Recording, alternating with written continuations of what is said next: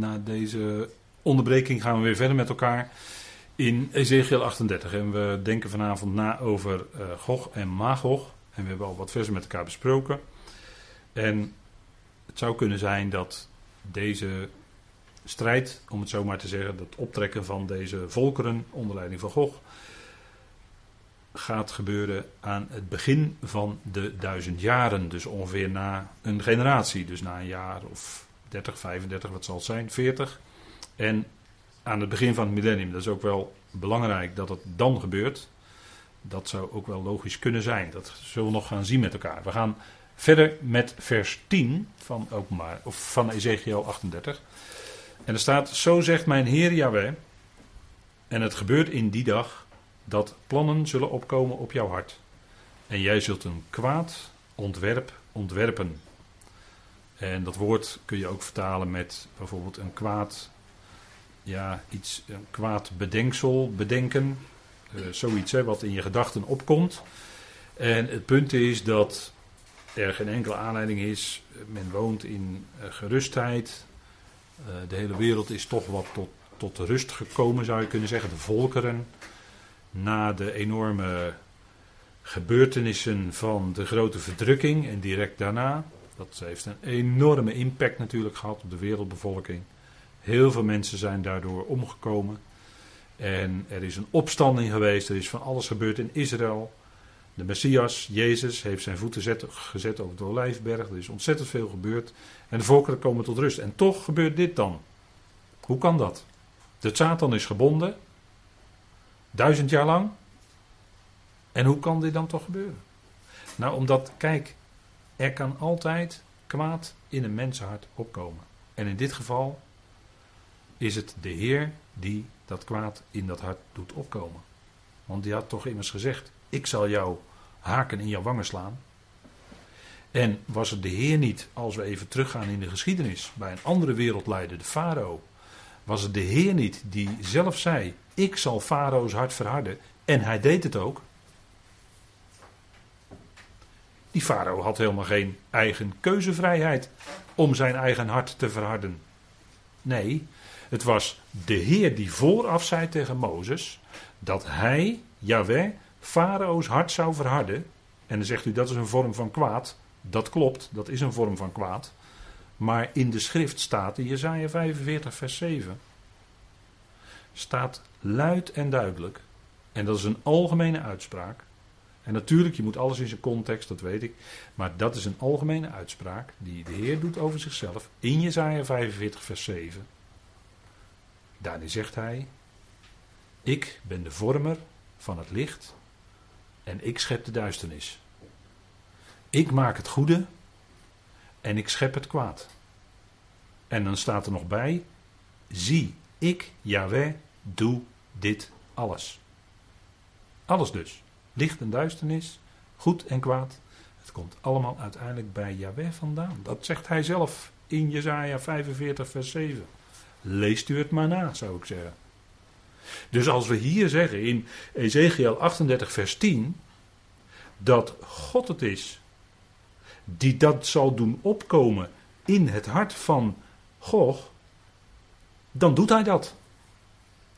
Om daarmee zijn plan te verwezenlijken, net als bij de farao. Want het gaat uiteindelijk in alle dingen om de eer en verheerlijking van God. Daarom lezen we ook in Romeinen 1 dat dat gevolgen heeft als mensen God niet als God erkennen, als plaatser erkennen in hun leven. Dan heeft dat gevolgen. Want daarmee treden ze dan buiten een bepaalde wetmatigheid en dat heeft gevolgen.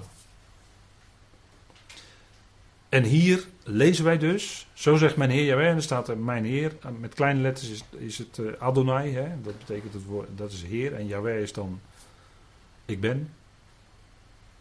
En die zegt: Het gebeurt in die dag. Duidelijke profetie over de toekomst. Wat er in de toekomstige dag zal gebeuren. In die dag. Nou, we hebben het hier over het millennium, de duizend jaar. We gaan verder in vers 11.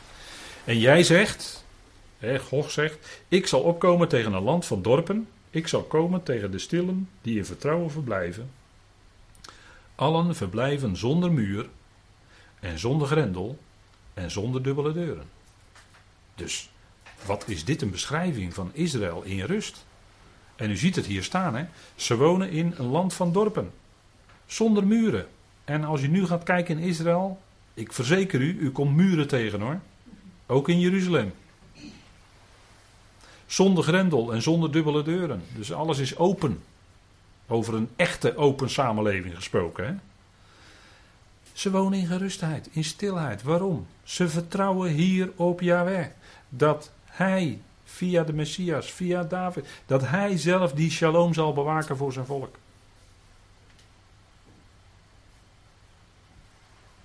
En zijn het niet in openbaring de 144.000? En die mannelijke zoon, die, die de volkeren zullen uh, richten met een ijzeren roede. Bewaking van de shalom. Zij verblijven daar in shalom, in rust. Is dat niet een treffende beschrijving van wat Israël zal zijn in de duizend jaar, in het komende millennium? Wat we hier lezen in Ezekiel 38. En dan, en dan gaat Gog komen.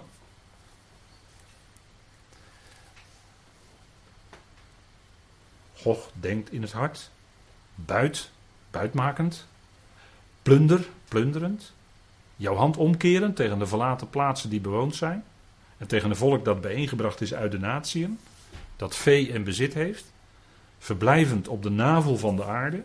En u ziet hier een uh, oud getekend kaartje, hè, waarin Israël als, uh, echt als de navel van de aarde staat getekend, met die uh, werelddelen eromheen.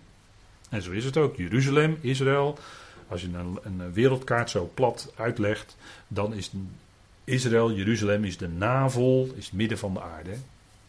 Prachtig. En misschien zien die continenten er dan ook wel wat anders uit vanwege de enorme aardbeving die onder een van de schalen in openbaring beschreven staat. Hè? Dat is een giga-aardbeving. Waarbij de tektonische platen enorm gaan verschuiven. Dat zal enorme gevolgen. Misschien ziet die hele aarde er dan ook wel anders uit. Dat weten wij niet. Dat zou zomaar kunnen. Er lopen natuurlijk enorme breuklijnen, ook tot in de Olijfberg. Hè. En bij Californië daar, hè, Los Angeles, San Francisco, de San Andreas breuklijn, waar altijd veel aardbevingen zijn. Weinig hoogbouw, Los Angeles, vanwege de aardbevingen. En dat, gaat, dat hele zaakje dat gaat een keer helemaal de oceaan in. De steden, hè, er staat in de openbaring zo, de steden van de aarde zullen dan in, in, de, in het water verdwijnen. Er gaat dan om miljoenen mensen. Enorm hoor, wat er nog uh, allemaal gaat gebeuren. Maar Israël, dat is de navel van de aarde, middelpunt. En zo moet het ook zijn. Het is Gods volk. Zij zullen zijn leider, koningen en priesters over de andere volkeren. Dat is aan hen beloofd, dat is aan hen toegezegd. Dat zullen zij ook zijn. dat is niet zo moeilijk, dat staat er. En dan gaat het toch weer geplunderd worden. Kijk, ik had het, voor de pauze had ik het over die begeerte. Kijk, die begeerte zit in de mens. Daar heeft hij de Satan niet voor nodig. En ook geen misleidende geesten. Begeerte zit in het vlees van de mens. Buit buitmakend, plunder plunderend. Begeerte, dat is begeerte naar meer, meer, meer. Meer hebben, hè, dat noemt Paulus als een van de dingen afgoderij in Colossense 3. Dat hebben we ook met elkaar uitgebreid besproken. Afgoderij. Dat zal ook gebeuren. In die tijd, Gog zal daardoor getriggerd worden. Door hun eigen begeerte. Buit, buitmakend, plunder, plunderend.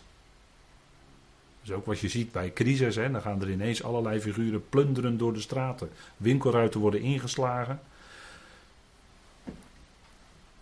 Akelig. Ik zal er maar niet te veel over, over de achtergronden daarvan vertellen. Maar akelig is dat. Akelig. En hier trekken ze dan op tegen Israël. Sheba en Dedan en de handelaren van Tarsis en al haar jonge leeuwen zullen tot jou zeggen: Kwam jij om buit, buit te maken? Kijk, dat zijn de handelaren die zorgen de, dat Israël rijk wordt. En die worden er zelf natuurlijk ook wijzer van. Hè? Dit zijn de handelaren. Die zijn er dan ook nog. Er zijn natuurlijk uh, met Babylon, dat Babylon verwoest werd. Is natuurlijk een enorme klap voor de wereldhandel. Maar dan ook een gigaklap in de eindtijd.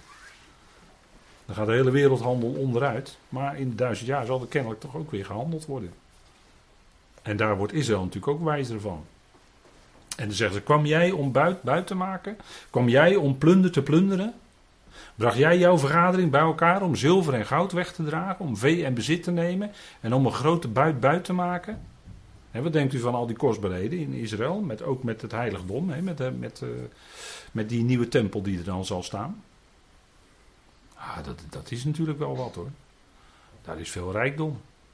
Salomo was natuurlijk een type, koning Salomo was natuurlijk een prachtig type van onze Heer, die dan in de duizend jaar regeert. En Salomo had gigantische rijkdommen. Veel paarden en goud en noem alles maar op. Mocht de tempel bouwen. Veel goud. Dat is allemaal nodig. Werd geholpen door Hiram. uit het noorden was dat, koning Hiram, als ik het goed heb, uit, uh, uit de Libanon. Materiaal. Nou, Salomo was een type voor die regering. Hè. Shalomo, Shalomo, Shalom, dat zit allemaal heel dicht bij elkaar. Duizend jaar. Type van onze Heer. Ja, dat is natuurlijk geweldig, hè. En hier wordt dit dan gezegd tegen die Gog die wil optrekken. Kom, daarom profeteer, zoon van Adam. En zeg tot Gog, zo zegt mijn Heer Yahweh in die dag. Wanneer mijn volk Israël in vertrouwen verblijft. Zal jij het niet weten? Natuurlijk, ze weten dat, Israël. Ze hebben hun uh, zwaarden omgesmeed tot ploegscharen, weet u wel. Dat staat allemaal in de profetie. Hè? Gaat natuurlijk allemaal aan het begin van duizend jaar. Worden al die wapens, die worden allemaal omgesmeed. Hè? Uh, ik ging bijna een naam noemen. Van een groot uh, bedrijf. Maar dat zou ik maar niet doen. Een wapenbedrijf. Maar al die wapens, die zullen dan omgesmeed worden tot ploegscharen. Zij zullen de oorlog niet meer leren. En nu wordt de oorlog uitgebreid overal geleerd en gedaan. Vooral door Amerika. Hè? Die zijn weer begonnen. Er is een regeringswissel geweest. En de Amerikaanse bommen vallen weer. Maar in die duizend jaar hebben ze die, gebruiken ze die grondstoffen niet meer om wapens te maken en om bommen te kunnen gooien. Maar dan zullen ze al die grondstoffen goed gaan aanwenden. En dan zit er een enorme potentie in. Dan, dan hoef je niet allemaal grote molens neer te zetten voor de elektriciteit, maar dan kun je dat op een hele simpele manier opwekken. Waarmee je ook veel meer kan opwekken uit iets heel kleins. Maar in die grote, nou ja goed, ik ga ook niet over die windmolens praten. Maar Israël zal dan in vertrouwen wonen.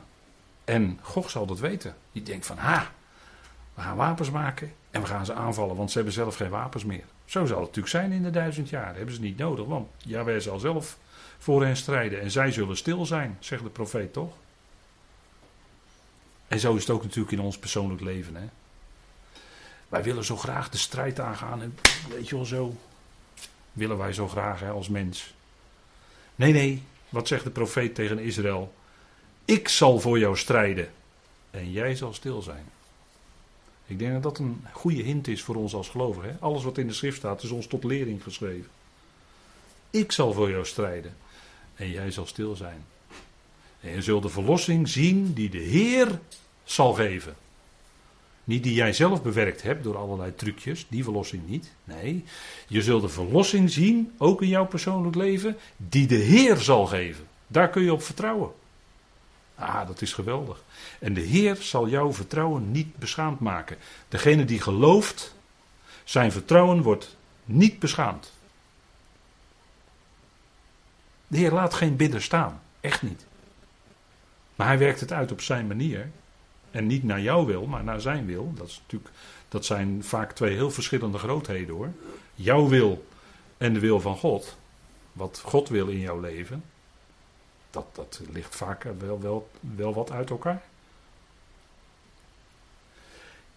Maar hij zal de uitkomst geven. Kijk, en Gog die denkt wij gaan aanvallen. En dan in vers 15 en 16 staat: En jij komt uit jouw plaats. Ze gaan optrekken uit de verte van het noorden. Jij en vele volken met jou rijden op paarden, allemaal. Een grote vergadering en een enorm leger. En jij komt op tegen mijn volk Israël als een wolk, het land bedekkend. In latere dagen zal het gebeuren. En ik breng jou tegen mijn land, zodat al de natieën mij kennen, als ik door jou, of letterlijk staat er in jou, voor hun ogen geheiligd ben. Gog. Dus hier zien we dat Israël in gerustheid woont. Gog die denkt, ik ga eens even mijn gedachten ordenen en ik ga eens nadenken, wat ga ik eens doen? Ik ga Israël aanvallen. En hij weet niet dat Yahweh dat zelf in zijn hart gegeven heeft om dat te gaan doen. Tegenstander kon het niet doen. Die zit in de, in de, in de abussels. Die zit uh, op slot. Verzegeld, weg. Dus die is niet in staat om dat in zijn hart in te geven. Dus wie kan het dan anders zijn dan Yahweh die in het hart van God ingeeft? En dan gaat hij komen. En dan staat er hier ook weer in latere dagen. Men denkt vaak dat Gog en Magog gaat plaatsvinden vlak voor de duizend jaar, aan het einde van deze boze aion. En dan zegt men ja, want er staat ook in latere dagen. En dat is toch vaak, hè, als mensen dan uh, kennis hebben van de schrift, dan zeggen ze ja, in latere dagen. Dat slaat op de laatste tijd van deze boze aion. En dat is niet helemaal, dan hebben ze niet helemaal ongelijk hoor. Maar als je nou die uitdrukking in de profeten gaat bestuderen, in latere dagen, of in Tenach, dan kom je wel wat tegen. Want dat is een hint, hè? hier is weer een tijdhint die gegeven wordt in vers 16. In de latere dagen. En dan heb ik voor u een aantal teksten op een rij. En die heb ik uit de studie van broeder Nog. Die heeft dat keurig op een rij gezet, dus ik heb dat overgenomen. En die heeft die uitdrukking in latere dagen op een rij gezet en daarbij aangegeven wat in latere dagen betekent in diverse teksten. In het Hebreeuws, in Tenach. Bijvoorbeeld in latere dagen, daar doet Jacob een uitspraak over zijn zonen. En laten we het even met elkaar opzoeken. Genesis 49, vers 1. En het gaat erom: is het nou zo dat die uitdrukking in de latere dagen altijd betrekking heeft op het einde van deze boze aion? Of kan het ook op een andere tijd betrekking hebben? Dat is de vraag. En als we dan kijken in Genesis, dan staat daar. Jacob riep zijn zoon en zei: Verzamel jullie, dan maak ik jullie bekend wat jullie in later tijd overkomen zal, zegt mijn vertaling. Maar letterlijk in latere dagen. Of kan misschien ook vertaald worden aan het einde van de dagen. Maar laten we het maar even houden op in latere dagen. Dan is het nog niet helemaal duidelijk over welke tijd dat hier in Genesis 49 gaat. Hè. Dit is een algemene uitspraak profetisch van Jacob over zijn zonen. Dan in nummer 24 vers 1, als we dat even met elkaar opzoeken. Nummer 24 vers 1.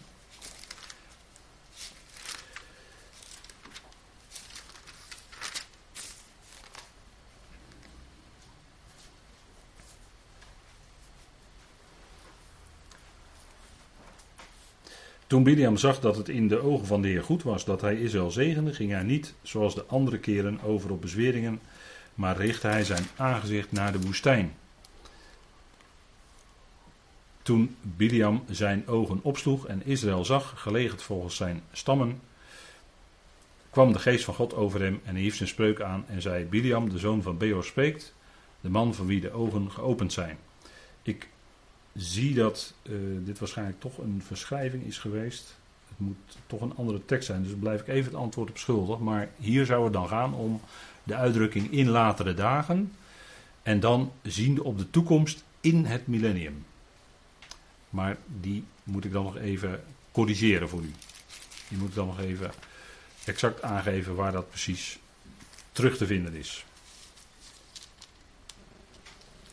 Dan uh, zien wij de volgende, dat is Deuteronomium 4, vers 30. Deuteronomium 4, vers 30. En dat is een hele lange, eigenlijk profetische reden ook van Mozes, vlak voordat hij sterft. En dan lezen wij Deuteronomie 4, vers 30. Wanneer u in benauwdheid zult zijn en al deze dingen u getroffen hebben, in later tijd, en dan hebben we dus weer die uitdrukking, in latere dagen, dan zult u terugkeren naar de Heere uw God en zijn stem gehoorzamen. En hier gaat het dan specifiek om in latere dagen voor het millennium. Want hier wordt gesproken over de periode van terugkeer. Dat ze nog bezig zijn om te keren en terug te keren naar de Heer hun God. Nou, dat zal dan zijn voordat die duizend jaar gaat aanbreken. Dus vandaar in latere dagen heeft dan betrekking op de periode direct voor het millennium. En dat geldt ook voor Deuteronomium 31 vers 29. Die laat ik dan even liggen. En dan Jezaja 2 vers 2 komen die uitdrukking ook tegen. Jezaja 2 vers 2.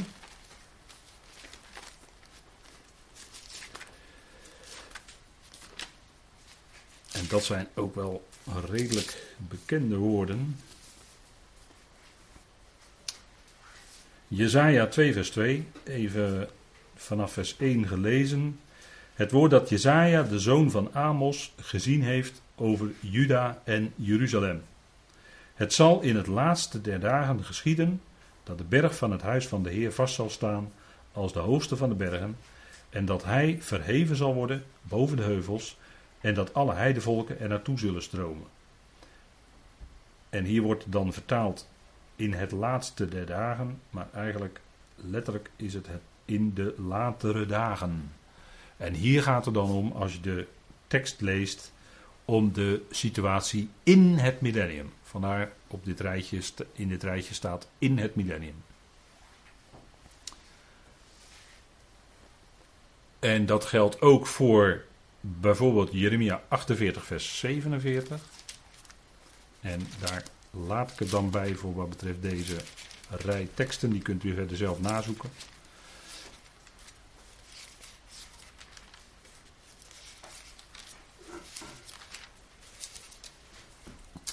Jeremia 48, vers 47. Daar staat in later tijd echter spreekt de Heer, zal ik een omkeer brengen in de gevangenschap van Moab. En in later tijd is dan weer onze uitdrukking in de latere dagen. En dat speelt zich dan ook af in het millennium. In het millennium. Nou, zo zijn er nog meer uh, schriftplaatsen, die heb ik hier op een rij staan. U kunt ze nazoeken. Het punt is dat de uitdrukking in de latere dagen niet alleen betrekking heeft op de periode direct voor de duizend jaar, maar ook betrekking kan hebben op dagen in de duizend jaar. En dat is het punt van Ezekiel, de context van Ezekiel 38, en die is denk ik wel duidelijk. Dus ook die uitdrukking die we daar vinden in 38 vers 16, en jij komt op tegen mijn volk Israël als wolken in het land bedekkend, in de latere dagen zal het gebeuren dan kan er dus ook zijn een uitdrukking die dus slaat op de periode in de duizend jaar. En als u het mij vraagt hier, gezien de context, gezien het tekstverband, Ezekiel 38, heeft het dan ook die betekenis. dat is geen. Uh, sommigen zouden zeggen, ja, het is een cirkelredenering. Nee, want uh, we vergelijken hier schrift met schrift. En we zien dat in verschillende schriftplaatsen blijkt dat die uitdrukking ook betrekking kan hebben op een situatie in de duizend jaren. En ook zo ook hier. En het wordt hier alleen maar des te sterker als je het tekstverband van Ezekiel meeneemt. dus we zetten de dingen op een rij, we vergelijken schrift met schrift. En het blijkt dat die uitdrukking dus wel degelijk betrekking kan hebben op in de duizend jaar. Dan gaan we naar vers 17. Zo zegt mijn Heer Yahweh: Ben jij het over wie ik sprak in eerdere dagen door de hand van mijn dienaren, de profeten van Israël, die in die dagen profeteerden, jarenlang, om jou tegen hen op te brengen? En hier wordt natuurlijk duidelijk dat Yahweh het zelf is die dat natuurlijk al lang in zijn plan had opgenomen, die dat al lang had voorzien. De profeten worden ook wel zieners genoemd, ze zagen dingen gebeuren. ze werden dan in de geest overgeplaatst, bijvoorbeeld in de dag van de Heer, Johannes op Patmos. Dus die zag wat gebeurde in de dag van Yahweh. En dat gebeurde in de geest. Dus hij kon, visionair, kon hij zien wat gebeurde. God tilde hem als het ware uit boven de tijd. Dat deed hij met de andere profeten ook. En de ene profeet, hebben we ook gezien, zag verder dan de andere. Hè? En, of zag meer details dan de andere. En sommigen konden zelfs heel ver kijken en spraken zelfs over de nieuwe aarde. Maar dan heel beperkt. Waar Johannes op Patmos dan nog uitgebreider over schrijft. En zo ook hier bij Ezekiel zegt de Heer tegen hem: Jawel, ik ben het die jou gezien heb, God. Mijn dienaren hebben over jou gesproken. En over degene die met jou meegaan, jouw geallieerden. Al langere tijd. Maar je hebt dat misschien niet gehoord. Maar het ging over jou. En het gebeurde in die dag, in de dag van de komst van Gog op de grond van Israël. Dus ze zijn daadwerkelijk opgetrokken. De onweersbui is daadwerkelijk losgebarsten. Is de verzekering van mijn Heer Jahweh dat mijn woede zal opkomen in mijn boosheid en in mijn jaloezie. Want nu, nu doet Gog iets. Nu komen ze aan Israël. En dat is de oogappel van de Heer. En dan, hoe zeggen we dat in Nederlands? Zijn de rapen gaar? Of uh, hè, de snelkookpan die uh, gaat koken? Mijn woede zal opkomen, mijn boosheid en mijn jaloezie. Niet aan mijn volk komen. Want dan komt die jaloezie op. De boosheid, de woede die daarmee gepaard gaat. We hebben met, in verband met Babylon gezien, hebben we het gehad over de wet op de jaloersheid. Weet u het nog? De wet op de jaloersheid, in de Torah opgenomen, nummerie. En dat sloeg natuurlijk allereerst op de Heer en zijn eigen volk. Want het volk pleegde afgoderij, hoererij, overspel met afgoden. En dat neemt de Heer hoog op, want dan komt zijn verbolgenheid, dan komt zijn woede, zijn jaloezie komt naar boven. Enorm. Dat gebeurt hier ook. Deze duizend jaar is de bruiloft van het lam. Waar de bruiloft in Cana een type van was, een teken, een wonderteken, wat de Heer daar deed. Bruiloft van het, bruiloft van het lam, bruiloft in Cana. Hetzelfde verhaal in feite, hè. Vreugde zal er zijn. En nu komt Gog met zijn bendes. En die zal die vrede en die rust en die vreugde verstoren. Ja, nee, dat laat de Heer natuurlijk niet over zijn kant gaan. Dat heeft consequenties. Het volk is notabene zelf niet in staat om terug te vechten, want al hun wapens zijn omgesmeed, hebben ze niet meer. Ik spreek in het vuur van mijn woede. Er zal in die dag een grote aardbeving plaatsvinden op de grond van Israël. Kijk, zo doet de dat. Aardbeving.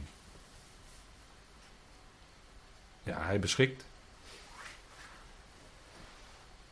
En op het juiste moment zal de aarde beven. Of we nou apostelen in de gevangenis zitten.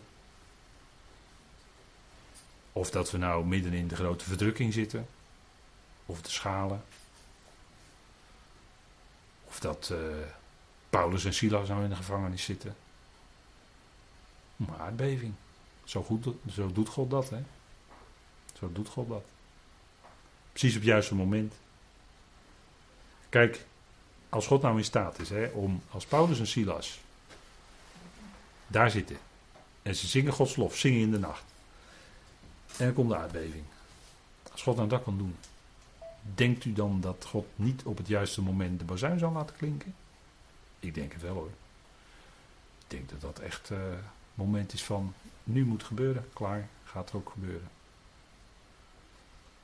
En als er iets moet omvallen in deze wereld, dan uh, doet God dit en het valt om. Of het nou groot is, maakt allemaal niet uit. Aardbeving. Gog trekt op, is in het land Israël, aardbeving. En de vis van de zee en de vogel van de hemelen en het dier van het veld en ieder kruipend dier dat beweegt op de grond en elk mens dat op het oppervlak van de grond is, zal voor mij beven. Dus het zal even heftig zijn daar. En de bergen worden afgebroken en de klippen vallen en iedere muur zal op de aarde vallen. Dan gebeurt het wel. In de grote verdrukking roepen de mensen: bergen valt op ons, heuvelen bedekt ons. En dat gebeurt niet dan. Nee, dat is niet Gods tijd. Maar hier wel. En hier moet het ook gebeuren. Precies op het juiste moment. En zo zal God zich dan verheerlijken aan Gog en die hele menigte. Wanneer? Aan het begin van de duizend jaar. Heel bijzonder, hè? Heel bijzonder, denk ik. En staat er, en ik roep een zwaard tegen hem op, al mijn bergen, is de verzekering van Yahweh, van mijn Heer Yahweh. Ieder zwaard zal tegen zijn broeder komen. Dus ze zullen ook nog eens elkaar, tegen elkaar, in hun verwarring opkomen. En ik zal hem in gericht komen met een plaag en met bloed vergieten. En ik zal doen regenen een overvloedige neerslag van hagelstenen, vuur en zwavel op hem. En op zijn strijders en op de vele mensen die met hem zijn. Zo doet God dat. In de duizend jaar. Hij zal dus zelf op deze manier, door middel van, laten we maar zeggen, natuurgerichten, natuur, een natuurgebeuren, zal hij zelf afrekenen met die vijandige volkeren. Israël hoeft niets te doen. Vertrouw op de Heer. Ik zal voor je strijden, zegt hij toch, door de profeet. En jij zult stil zijn. En Israël zal stil zijn en in verwondering zien hoe de Heer hier afrekent, hoe Yahweh hun God afrekent met Gog, Magog. Hè, de grote bende die dan is opgetrokken. Eigenlijk heel laf, als Israël geen wapens heeft om dan tegen hen op te trekken. Ook nog eens een keer. Hè. Kijk, God die doet dat waarschijnlijk, hè, we hebben wat gegevens verzameld in dit hoofdstuk, waarschijnlijk aan het begin van het millennium. En waarom doet hij dat zo? Dat doet hij opdat hij één keer aan alle volkeren, nog eens een keer aan het begin van het millennium, een les geeft. Kom niet aan mijn volk Israël, want je hebt gezien wat er gebeurd is met Gog en Magog. Wee je gebeente. En ze zullen voor de rest van het millennium diep ontzag hebben voor de God van Israël. En het zal niet meer in hen opkomen om dan nog op te trekken naar Israël en Jeruzalem. Want ze weten, er is er één, die ene God van Israël, Yahweh. En hun Messias. En die bewaken die shalom, die vrede van Israël. Dat hebben ze dan een enorme les, is dit aan het begin van het millennium, als u het mij vraagt. En het zal voor de rest, voor die overige 960 jaar ongeveer, zal het shalom zijn. Zullen ze niet meer optrekken. Maar zal er eerst een tegenstander nog moeten worden losgelaten uit de abyssos, om weer opnieuw datzelfde plaatje te bewerkstelligen. Maar dan is er die tegenstander voor nodig. Om ze te doen optrekken om, de hele om die volkeren weer te misleiden. Kijk, zo doet God dat. En daarmee, wat zien we nog meer daarmee? Dat is wat we al hebben overwogen, denk ik. Dat uh, de opstand tegen Israël, de opstand tegen God, dat heeft niet alleen met de tegenstander te maken, maar het zit in het hart van de mens zelf. De omstandigheden kunnen geweldig zijn. Millennium. Alles brengt veel meer vrucht op zal een geweldige tijd zijn. Vanuit Israël zullen allerlei geweldige oplossingen voor praktische problemen in de wereld gedaan worden en, en met succes toegepast worden. Dat zal door de knappe koppen van Israël gebeuren, ben ik van overtuigd, ook in de komende duizend jaar. De hele, alle volkeren zullen daarvan de zegen ondervinden. En toch, en toch, blijkt dat die opstand, die weerstand tegen God zit in het hart van de mens, zit van binnen.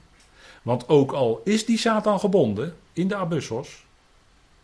En ook al zijn die beesten en de valse profeet, hè, die, die geestelijke machten zijn ook in de, die zijn in de poel des vuurs. Ook in die, laten we maar zeggen, voor huidige, deze oude aarde, ideale situatie of geweldige situatie, toch blijkt, ja, wat Paulus ook zegt in de Romeinenbrief, zit van binnen. De wetmatigheid van de zonde zit van binnen in de mens. Daar, komt, kun je niet uh, allemaal invloeden van buitenaf de schuld van geven. Nee, het zit in de mens zelf. Dat, dat leert het ook, hè. En daarom, kijk, de omstandigheden van mensen verbeteren is natuurlijk mooi, is prachtig. Maar kijk, dat is het oude marxistische ideaal. Dat als wij nou maar die samenleving zelf maken, de maakbare samenleving. Als we nou maar die omstandigheden mooi maken, dan worden die mensen ook vanzelf goed. Nee hoor, dat is uh, niet aan de orde. Dat laat uh, ook het marxisme zelf zien. Want weet u, binnen, eh, binnen het communisme en het marxisme, daar is iedereen gelijk. Behalve degene die gelijker zijn. Dat is de top, die zijn rijk, die baden in wilde. En de rest is plebs, die zijn allemaal arm. Dat is communisme. Illustratie hebben we jarenlang gezien in Rusland. Sla de geschiedenisboeken er maar op na, voor zover ze niet gewijzigd zijn. U kunt het allemaal terugvinden. Dat is als de mens probeert met hele mooie idealen de mensen voor te spiegelen. Een geweldige samenleving. En dan zal de mens beter zijn. Denk het niet hoor. Nee, kijk, waar de mens echt beter van wordt, is als die geest van God in die mens gaat wonen. En die vrucht van de geest zich door die mens heen manifesteert. Die geest van God, die vrucht. Kijk, dan is die mens inderdaad echt van binnenuit veranderd. En dan kun je in de meest ellendige omstandigheden zijn. En dan kun je toch God danken. En dan kun je toch vreugde hebben. Waarom? Omdat het van binnen zit. Die geest van God in de mens. Hoe komt hij binnen? Horen door het woord. Horen dat evangelie van Paulus. Dat is het evangelie van genade. Dat is het enige evangelie wat echt spreekt van overstromende genade. Dat gaat veel en veel verder dan de apostelen van de besnijdenis. Petrus en Johannes kunnen niet tippen aan wat Paulus mocht bekendmaken. Dan zit je echt een echelon lager. En het gaat niet om de persoon Paulus, maar het gaat om wat de Heer door die brieven bekend maakt. Daar wordt onze Heer Christus Jezus het meest door verheerlijkt. Daar gaat het om. En het punt is dat het gaat om van binnenuit. Die geest van God werkt in de mens van binnen. En dan heb je ook geen eigen roem meer, want eigen roem heeft een bedenkelijke lucht. Dan is alle roem en eer alleen voor Hem. Hij heeft het bewerkt. Hij bewerkt het in u en mij. En niemand anders. En dan krijgt Hij alle eer. En daar gaat het ook om in de duizend jaar. Want net als bij de farao, wie wordt verheerlijkt hier door dit gebeuren, Gog en Magog? De Heer, de God van Israël, die wordt verheerlijkt hoor, door het hele gebeuren. Dus één God van Israël. Ja, en die waakt over zijn eigen volk, ook al hebben ze geen wapens, maar hij waakt er dan zelf wel voor. Ja, dat is de macht en kracht en heerlijkheid en eer en liefde van Jahweh voor zijn volk. En ik denk dat dat een geweldige prediking is. En dan is de Oude Testament toch niet zo saai, hè, eigenlijk. Nee, valt toch wel mee. Kijk, hij zegt: Ik verhoog mijzelf. God zegt: Ik verhoog mijzelf. Ik heilig mijzelf. Ik zal gekend worden in de ogen van vele natieën. En zij zullen weten dat ik Yahweh ben. En dat is een uitspraak die keer op keer in het boek Ezekiel terugkomt. Zij zullen weten dat ik Yahweh ben, de Heer van Israël. Moet u maar eens Ezekiel gaan lezen en maar eens optellen hoe vaak dat in Ezekiel gezegd wordt. Ja, mag de Heer alsjeblieft, hij is het zelf, hij is zelf de ontwerper, de schepper van zijn eigen woord, mag die alsjeblieft? Dat hij zelf zegt, ja, ze zullen weten dat ik Yahweh ben. Ja, maar dat zullen ze weten, al die natieën. Nou en of. Dat de Heer houdt van zijn volk, dat zullen ze weten. Ja, en dat, dat, ja, dat het, de Heer dat hoog opneemt. Als je aan zijn oogappel komt, dat neemt hij hoog op hoor. En dat is vandaag de dag ook zo. Degenen die aan Israël komen, die zullen dat ondervinden. Die zullen dat gaan ondervinden, ook in de duizend jaar. Ja, ja. Daarvoor is dat gericht. Aan het begin van de duizend jaar zal de troon van zijn heerlijkheid staan, zegt Matthäus 25. En dan zal de Heer zelf de volkeren richten als schapen en bokken. En de bokkenvolkeren die worden afgesneden van de zegeningen in de duizend jaar. De bokkenvolkeren zijn degenen die de broeders van de Heer, dat is Israël, kwaad behandeld hebben. Dat staat allemaal in Matthäus 25, kunt u allemaal zelf nalezen. Maar daar gaat het daarover. En, en niet over een eindgericht van dat mensen in de kerk zeggen: Ik hoop dat ik geen bok ben aan het eind en, en niet alsnog een bok. Ik hoop dat ik een schaap. Dat is allemaal kwatsch. Wordt allemaal met een kluitje in het riet gestuurd. Gewoon lezen wat er staat. Het gaat daar over volkeren. En dan is de eonische afsnijding. dat is de kolasis. Dat is afsnijding. Dat is niet. Ja, je zou het misschien straf kunnen noemen, maar zeker geen pijniging. Kolasis. Dat is de eonische afsnijding. Dat zullen de volkeren ervaren in de duizend jaar. Ja, zo zal het zijn. Want ze zijn, ze zijn met hun vingers gekomen aan Israël. En dat, dat neemt de Heer hoog op. Dat kun je niet zomaar doen. Goed, we sluiten af vanavond met uh, even een korte resume. We hebben gezien dat Gog waarschijnlijk betekent, al, uh, betekent leider. En dan leider specifiek van een volk. En Magog de geallieerden met Gog. Wanneer zal het gebeuren? In de duizend jaar. Na een generatie. Dat is een hele goede mogelijkheid die de tekst biedt. En dan gaat het om Israël wat in rust en in shalom is. Ze hebben dan eigenlijk houten wapens. Maar dat zal blijken uit Ezekiel 39. Dus al loop ik al een beetje vooruit. En de strijd die gebeurt door Yahweh. Israël strijdt daar zelf niet. Maar Yahweh strijdt voor hen. En de aanwijzingen, nou, die hebben we met elkaar overwogen. En ik denk dat het goed is om dan hiermee af te sluiten. En dat wil ik uh, doen met een dankgebed.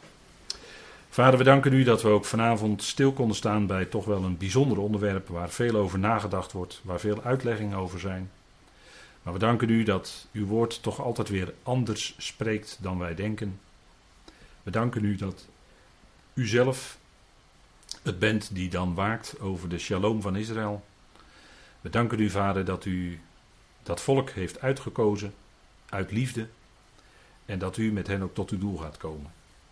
En we danken u voor de enorme les die u aan de volkeren gaat geven aan het begin van de duizend jaar, zodat ze niet meer zullen optrekken en zullen weten dat u werkelijk de God van Israël bent, dat u ze lief heeft. En dank u wel dat bij tijd en gelegenheid ook hun Messias, Jezus Christus, er zal zijn om hen te bemoedigen en om zich te betonen als hun Messias. We danken u dat David dan koning over hen zal zijn en dat de apostelen zullen regeren over de twaalf stammen. Dank u dat Israël dan koning en priester zullen zijn voor de andere volkeren die zullen optrekken met het Loofhuttenfeest en andere feesten om offers te brengen. Vader, dank u wel voor die tijd die gaat komen en de volkeren dan ook tot rust zullen komen. We danken u dat we uitzicht hebben daarop en dat we door uw woord zicht hebben op wat u gaat doen. We danken u voor de toekomst die u voor ons heeft als leden van het lichaam van Christus. Zo heel anders dan Israël. Niet op aarde, maar boven. We danken u dat we onze zinnen ook daarop mogen richten. Vader, mag ons leven daarop gericht zijn. Vader, niet zo zeer hechtend aan deze aarde en aardse dingen, maar gericht zijn op de hemelse dingen, op de geestelijke zegeningen die u ons schenkt, rijk en mild in Christus Jezus. We danken u dat we door u geroepenen zijn en dat u ons bemoedigt en versterkt en vasthoudt en draagt, ook in deze tijd. Vader, dank u wel dat u weet wat goed is. Dat u doet wat goed is, ook in ons persoonlijk leven. Dat u uw wil ten uitvoer legt, ook in ons persoonlijk leven, in grote en kleine dingen. Vader, we danken u daarvoor. We danken u dat we ons ten diepste geen zorgen hoeven te maken, omdat we weten dat u zorgt en dat u voorziet. Dank u wel daarvoor. Dank u wel dat u ook zo vanavond wilde voorzien vanuit uw woord in wat nodig was. Vader, het is ons eten en drinken. We danken u dat u dat geeft. Wij loven en prijzen u in die machtige naam van uw geliefde Zoon, onze Heere Christus Jezus. Amen. Dank voor uw aandacht. Tot zover.